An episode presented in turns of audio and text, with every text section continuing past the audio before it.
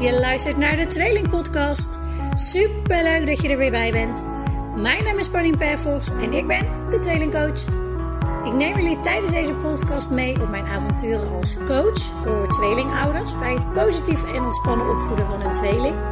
Maar ik vertel natuurlijk ook alles over mijn eigen ervaringen als tweelingmama. Onze één eigen meisjestweeling is vijf.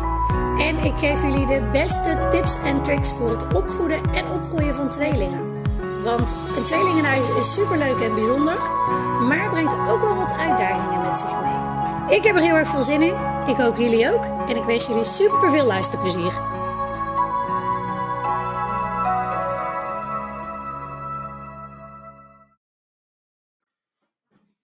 Yes, hallo. Je luistert weer naar een nieuwe tweelingpodcast. Kei leuk dat je luistert. En ehm, het wordt een hele snelle, want ik heb, uh, ik heb over een uh, 20 minuutjes een uh, sparsessie staan. Met een hele leuke tweelingmama uit België dit keer. Dat kan natuurlijk ook. En um, nou, ze zaten, er zitten wat onzekerheden, wat, wat dingetjes die, die spelen, wat vragen die ze heeft over het opvoeden van haar, van haar tweeling. En nou, daar gaan we eens even lekker in deep diven, zoals ik dat wel eens noem. we duiken er samen lekker in en we gaan daar samen naar kijken. Um, dus het wordt een, uh, het wordt een snelle. Uh, voor zover ik uh, dingen zoals een podcast opnemen waarbij ik aan het kletsen ben snel kan doen. maar ik ga mijn best doen. En de podcast die ik op wil nemen vandaag, ik, nou ja, ik, inspiratie kwam eigenlijk redelijk snel tot me. zoals het af en toe gebeurt. En dat is eigenlijk alleen maar fijn, want dan weet ik vaak redelijk goed wat ik, uh, wat ik moet zeggen, wat ik kan zeggen, waar jullie iets aan hebben. En in dit geval was het zo, uh, we waren vandaag met mijn vader in de IKEA.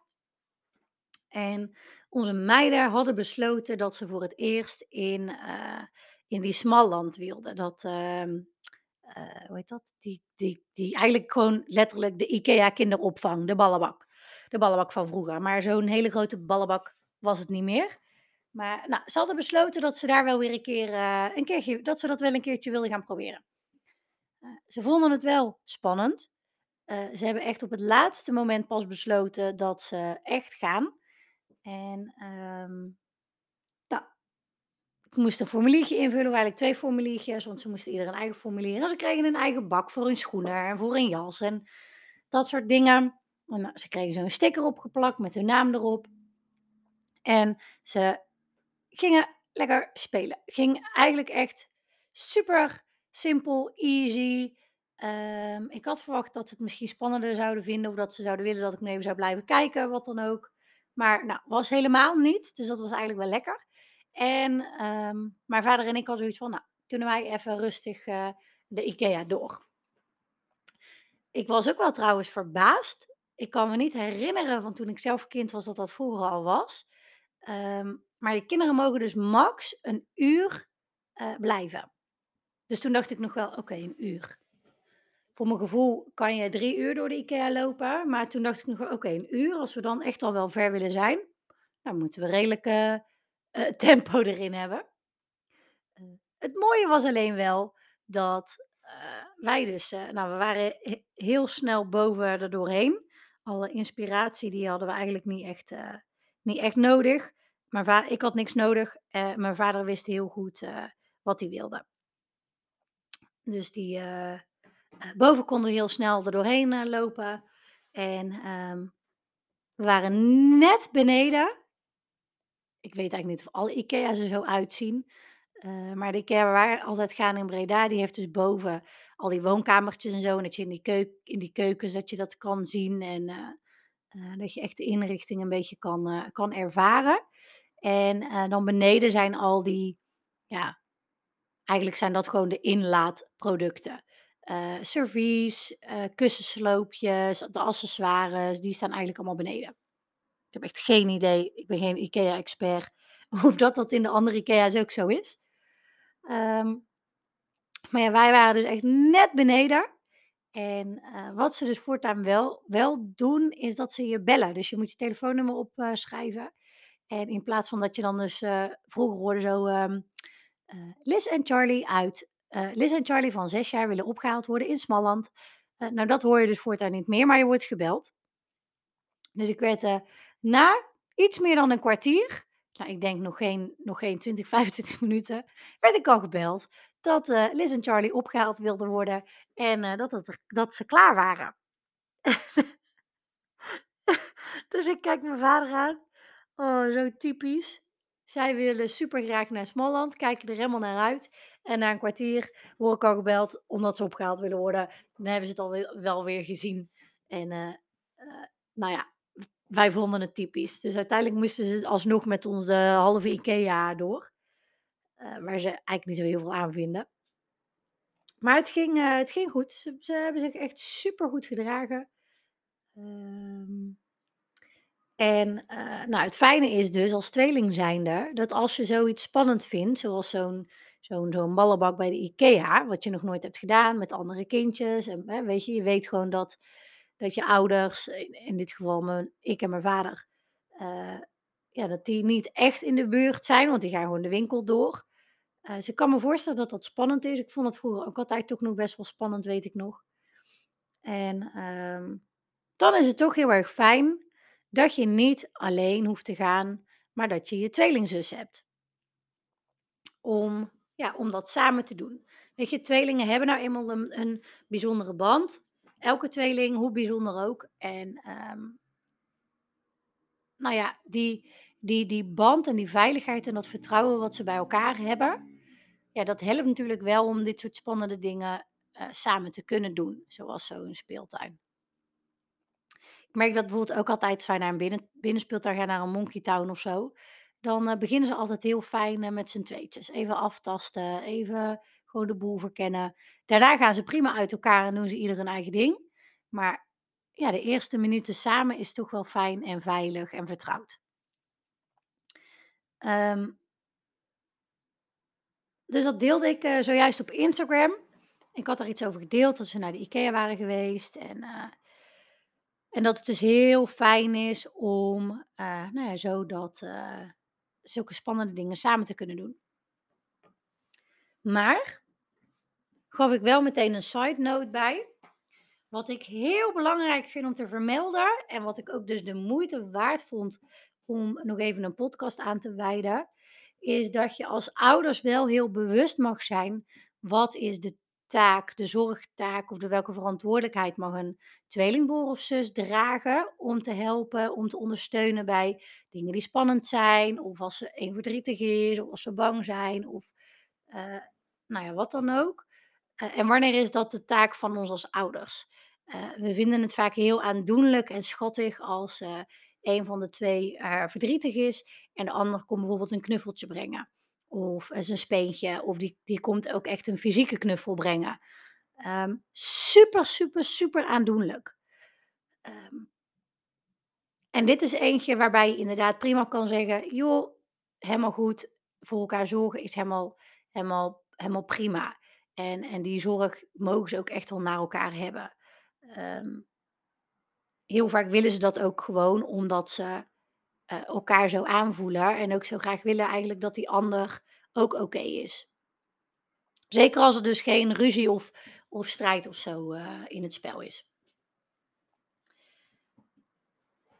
Maar wanneer is het nou onze taak als ouders om bij spannende dingen te begeleiden en te ondersteunen? En wanneer mag uh, die taak of die hulp gerust bij een tweelingbroer of zus liggen? Dat is een hele goede vraag. Zo hoorde ik laatst um, het verhaal van iemand die zei: uh, Ik was met mijn uh, tweeling uh, naar de speeltuin. En volgens mij waren ze een jaar of twee, twee, drie. En eentje wilde dus al wel zelf op ontdekking en eigenlijk hè, naar de andere kindjes. En die wilde wel meteen zelf gaan spelen. En de ander vond het heel erg spannend. En uh, die wilde eigenlijk vooral met haar, uh, met haar zus samen. En deze hoor ik uh, ook echt wel geregeld. Wat doe je als een van de twee al wel toe is aan wat meer ehm, los zijn? En de andere is daar dus nog helemaal niet aan toe en hangt dus nog, nog wat meer aan tweelingbroer of zus. En heeft die ander dus ook nog meer nodig. Dus dat is het eigenlijk, hè? Eén Eén is al losser dan de ander. En ehm, wat we dan nog wel eens doen, is dat we dan bijvoorbeeld. Ik moet het even anders uitleggen. Kind A is dus al los. Ik ga het even heel, ehm, ehm, heel, heel vlak houden. Ook gezien de tijd. Kind A is al wel helemaal los. Die wil gewoon lekker gaan spelen. Weet je, die wil de speeltuin in. Die wil gaan ontdekken. Die is ook echt wel al wat geïnteresseerd in andere kindjes. En kind B hangt nog veel meer aan haar zus. En eh, wil eh, samen op ontdekking. En vindt het alleen eigenlijk nog best wel eng en spannend. Wat ik dan vaak toch zie gebeuren, volledig zonder verwijt, volledig zonder oordeel, eh, maar wel een goede om je dus bewust in te zijn. Wat ik heel vaak dan zie gebeuren, is dat dan toch kind A in dit geval eh, een beetje het, ehm, de verantwoordelijkheid krijgt voor die ander. Eh, die, die wordt dan bijvoorbeeld teruggeroepen. hè, help je zus even, die vindt het nog spannend als jullie nou samen gaan. dat. En zo proberen we ze dan toch allebei maar weliswaar hand in hand. Dus één geeft de andere hand. Hè, kom nou, eh, dan eh, doen we het wel samen. Ehm, zo proberen we dan kind B ook een beetje mee te krijgen, ook een beetje los te krijgen, te laten ontdooien. Uh, maar ligt dus die zorgtaak vooral op de schouders van kind A. En daarvan durf ik dus te zeggen, en ik weet ook dat daar de meningen wel eens verdeeld over zijn, maar daarvan durf ik dus te zeggen, dat is niet de taak van kind A. Kind A wil gewoon gaan. Kind A wil gewoon op ontdekking. Die wordt het gelukkigste van als ze gewoon mag gaan spelen, als ze vrij wordt gelaten. Als ze, wel natuurlijk binnen de veilige grenzen, maar als ze binnen de veilige grenzen gewoon mag gaan. En met andere kindjes mag gaan spelen. En, en nou ja, geïnteresseerd mag zijn in uh, anderen. Kind B is daar klaarblijkelijk nog helemaal niet aan toe. Ook dat is helemaal oké, want ook tweelingen ontwikkelen zich ieder op hun eigen tempo, zijn ieder op hun eigen uh, uh, tijdstip toe aan nieuwe stappen, aan nieuwe dingen. dus ook zoiets als nou ja, de speeltuin ingaan, andere kindjes gaan opzoeken. En kind B is daar dus klaarblijkelijk nog niet aan toe. En nou, ik zei het al vaak, hè, manen we dan een beetje kind A zo van kom je zus even helpen en, en doe dat dan even samen. En als je nou even wacht of als jij nou even een handje geeft of als jullie nou even samen dat gaan doen, dan komt die ander ook wel los. Maar in dit geval is dus mijn mening dat als kind B dat dus nog spannend vindt en misschien ook wel verdrietig is, hè, dat haar zus, om even in dat voorbeeld te blijven, dat haar zus al wel gaat en dat haar zus dus eigenlijk wel zonder haar kan in de speeltuin. En zij is daar verdrietig over. Naast dat ze het dus spannend vindt. Dan is het mijn mening dat het niet de zorgtaak of de verantwoordelijkheid is van kind A om dat op te vangen. En om daarbij te helpen en te ondersteunen. Maar dan is dat onze taak als ouders. Daarmee geven wij de boodschap aan onze kinderen en zeker hierin aan kind A. Het geluk van jouw zus moet niet ten koste gaan van je eigen geluk. Jij bent niet verantwoordelijk voor het geluk van jouw tweelingbroer of zus. Want heel vaak hebben tweelingen dat wel. Die, die voelen een bepaalde verantwoordelijkheid naar elkaar en die voelen een bepaalde zorg naar elkaar. En tot op zekere hoogte is dat dus heel erg fijn. Maar blijf je als ouder zijnde ook heel erg bewust van wanneer is het mijn taak als ouder? Wanneer is het mijn taak als moeder, als vader om hierin te ondersteunen? En als kind B dus verdrietig is, omdat haar zus prima zonder haar al de speeltuin in kan en ook geïnteresseerd is in andere kindjes, dan is dat dus onze taak als, als moeder, als vader, om haar daarbij te helpen. En om haar dan aan een, aan een handje mee te nemen. Ik zie dat je het spannend vindt. Mag ook. Kom maar, dan gaan wij samen, gaan wij samen. Gewoon eens kijken nou wat er allemaal is. Gaan wij eens samen op ontdekking. En ben ik jouw veilige haven hierin. Want wat er anders gebeurt als je kind A terugroept. En eigenlijk hè, kind A wordt daarin dus de veilige haven. ten koste van haar eigen, nou, interesse en haar eigen ontwikkeling om om op ontdekking te gaan dan dan hou je dus kind A tegen. En dan moet zij dus eigenlijk afremmen voor het geluk van van haar tweelingzus. En dan geef je dus onbewust echt wel de boodschap mee: "Oké, jullie zijn, hè, verantwoordelijk voor elkaar. Jullie moeten voor elkaar zorgen." Eigenlijk ten koste van het zorgen voor jezelf. En ik denk dat dat op de lange termijn niet niet de boodschap is die je wil meegeven. Eh, ik in ieder geval niet aan mijn, eh, aan mijn kinderen. Ehm, wilde ik daar nog iets aan toevoegen of denk ik dat de boodschap wel duidelijk is, ook gezien de tijd? Ehm, nee, ik denk dat ik hem lekker daarbij, eh, daarbij ga laten. En dat is dus niet alleen maar bij zo'n speeltuin, hè, als een wel iets spannend vindt en de ander nog niet. Blijf je gewoon bewust als opvoeder, als verzorger, blijf jezelf heel bewust: "Oké, is dit een zorgtaak van mij? Is dit de verantwoordelijkheid van mij als ouder? Of mag inderdaad deze zorg of deze verantwoordelijkheid ook bij tweelingbroer of zus liggen?" En in het geval van vanmiddag in in, hè, de ballenbak bij de IKEA vinden ze het allebei wel spannend. Ja, merk je dat ze, eh, aan elkaar hangen, maar merk je ook dat het dus zo samen dat ze er eigenlijk evenwichtig en in balans, ehm, eh, mee omgaan. Eh, het was niet zo dat een al vooruit rende en dat die ander heel angstig was en en en en haar zus terugriep. Eh, nee, ze vonden het allebei spannend en daardoor hadden ze steun bij elkaar. Maar als één dus al wel eraan toe is en de ander nog niet, dan betekent niet dat degene die er al wel aan toe is, soort van moet afgeremd moet worden om die ander te helpen er wel aan toe te aan toe te zijn. En, ehm nou ja, wat ik dus wel zag, dat is wel een dat is wel een toevoeging een goede toevoeging om te doen, is dus dat vanmiddag op een gegeven moment, ehm, bij ons eentje, die had geen zin meer en de ander had eigenlijk dus nog wel willen blijven. Ehm, eentje die had het, eh, had het warm en en, eh, er was een kindje wat wat ze irritant vond. Eh, dus die had zoiets van: "Ik ben er eigenlijk wel klaar mee." "Ik wil gewoon naar mama." En haar zus had dus nog best willen blijven, maar vond het dus spannend alleen. Om alleen alleen in de ballenbak te blijven. En, ehm nou dan hebben we daar dat gesprekje over. "Oké, weet je het zeker? Weet je, het betekent niet dat omdat je zus nu eruit wil, dat jij er ook uit moet. Wil je blijven? Hoe kunnen we hoe kunnen we je daar eventueel in helpen?"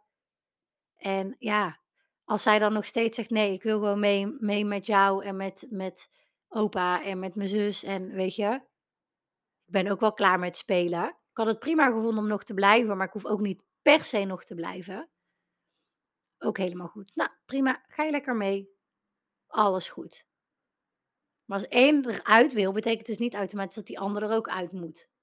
Als één het spannend vindt en eentje niet, betekent dat niet automatisch dat degene die het niet spannend vindt, degene moet helpen en ondersteunen en begeleiden eh, die het wel spannend vindt. Dus daarin blijf jezelf daarvan bewust. Is het een taak van mij? Is het een verantwoordelijkheid van mij? Is het een hè, mijn ondersteunende rol als ouder hierin? Of mag dit best ook een ondersteunend iets van een broer of zus zijn? En, ehm, daarbij is dus heel erg goed om te eh, jezelf af te vragen: Gaat het geluk van kind B in dit geval ten koste van het geluk van kind A? En als het antwoord daar ja op is, dan mag je kind A lekker laten en dan is de zorg voor kind B voor jou als ouder. Oké, nu ga ik hem echt afsluiten. Ik mag zo lekker, eh, een sparsessie in zoals ik al zei. Eh, ik hoop dat je er weer wat aan hebt gehad. Laat me in dat geval zeker weten, ehm, wat je eraan hebt meegekregen. En, ehm, nou, ik hoop, eh, dat je jezelf, eh, ja, weer even wat nieuwe inzichten of in ieder geval dat je weer even wat nieuwe inzichten hebt gekregen. En, eh, bewust bent geworden van, eh, nou ja, vaak onbewuste patronen eh, en, en ook misschien wel de sterkte van die, van die tweelingband, van die echte tweelingband, maar daarmee ook meteen een valkuil. En dat is zo erg voor elkaar willen zorgen en, en je toch wel verantwoordelijk voelen door die sterke band, dat dat ten koste kan gaan van je eigen ontwikkeling en je eigen geluk. En daar mogen wij als ouder zijn echt wel een, uh, een stokje voor steken en, en onze rol oppakken. Dus dat. Ik ben heel benieuwd wat je van deze podcast vond. Let me know. En voor nu ga ik zeggen tot de volgende. En um, fijne avond nog, mocht je ook in de avond luisteren. En anders een fijne dag voor als je op een ander moment luistert. Doei!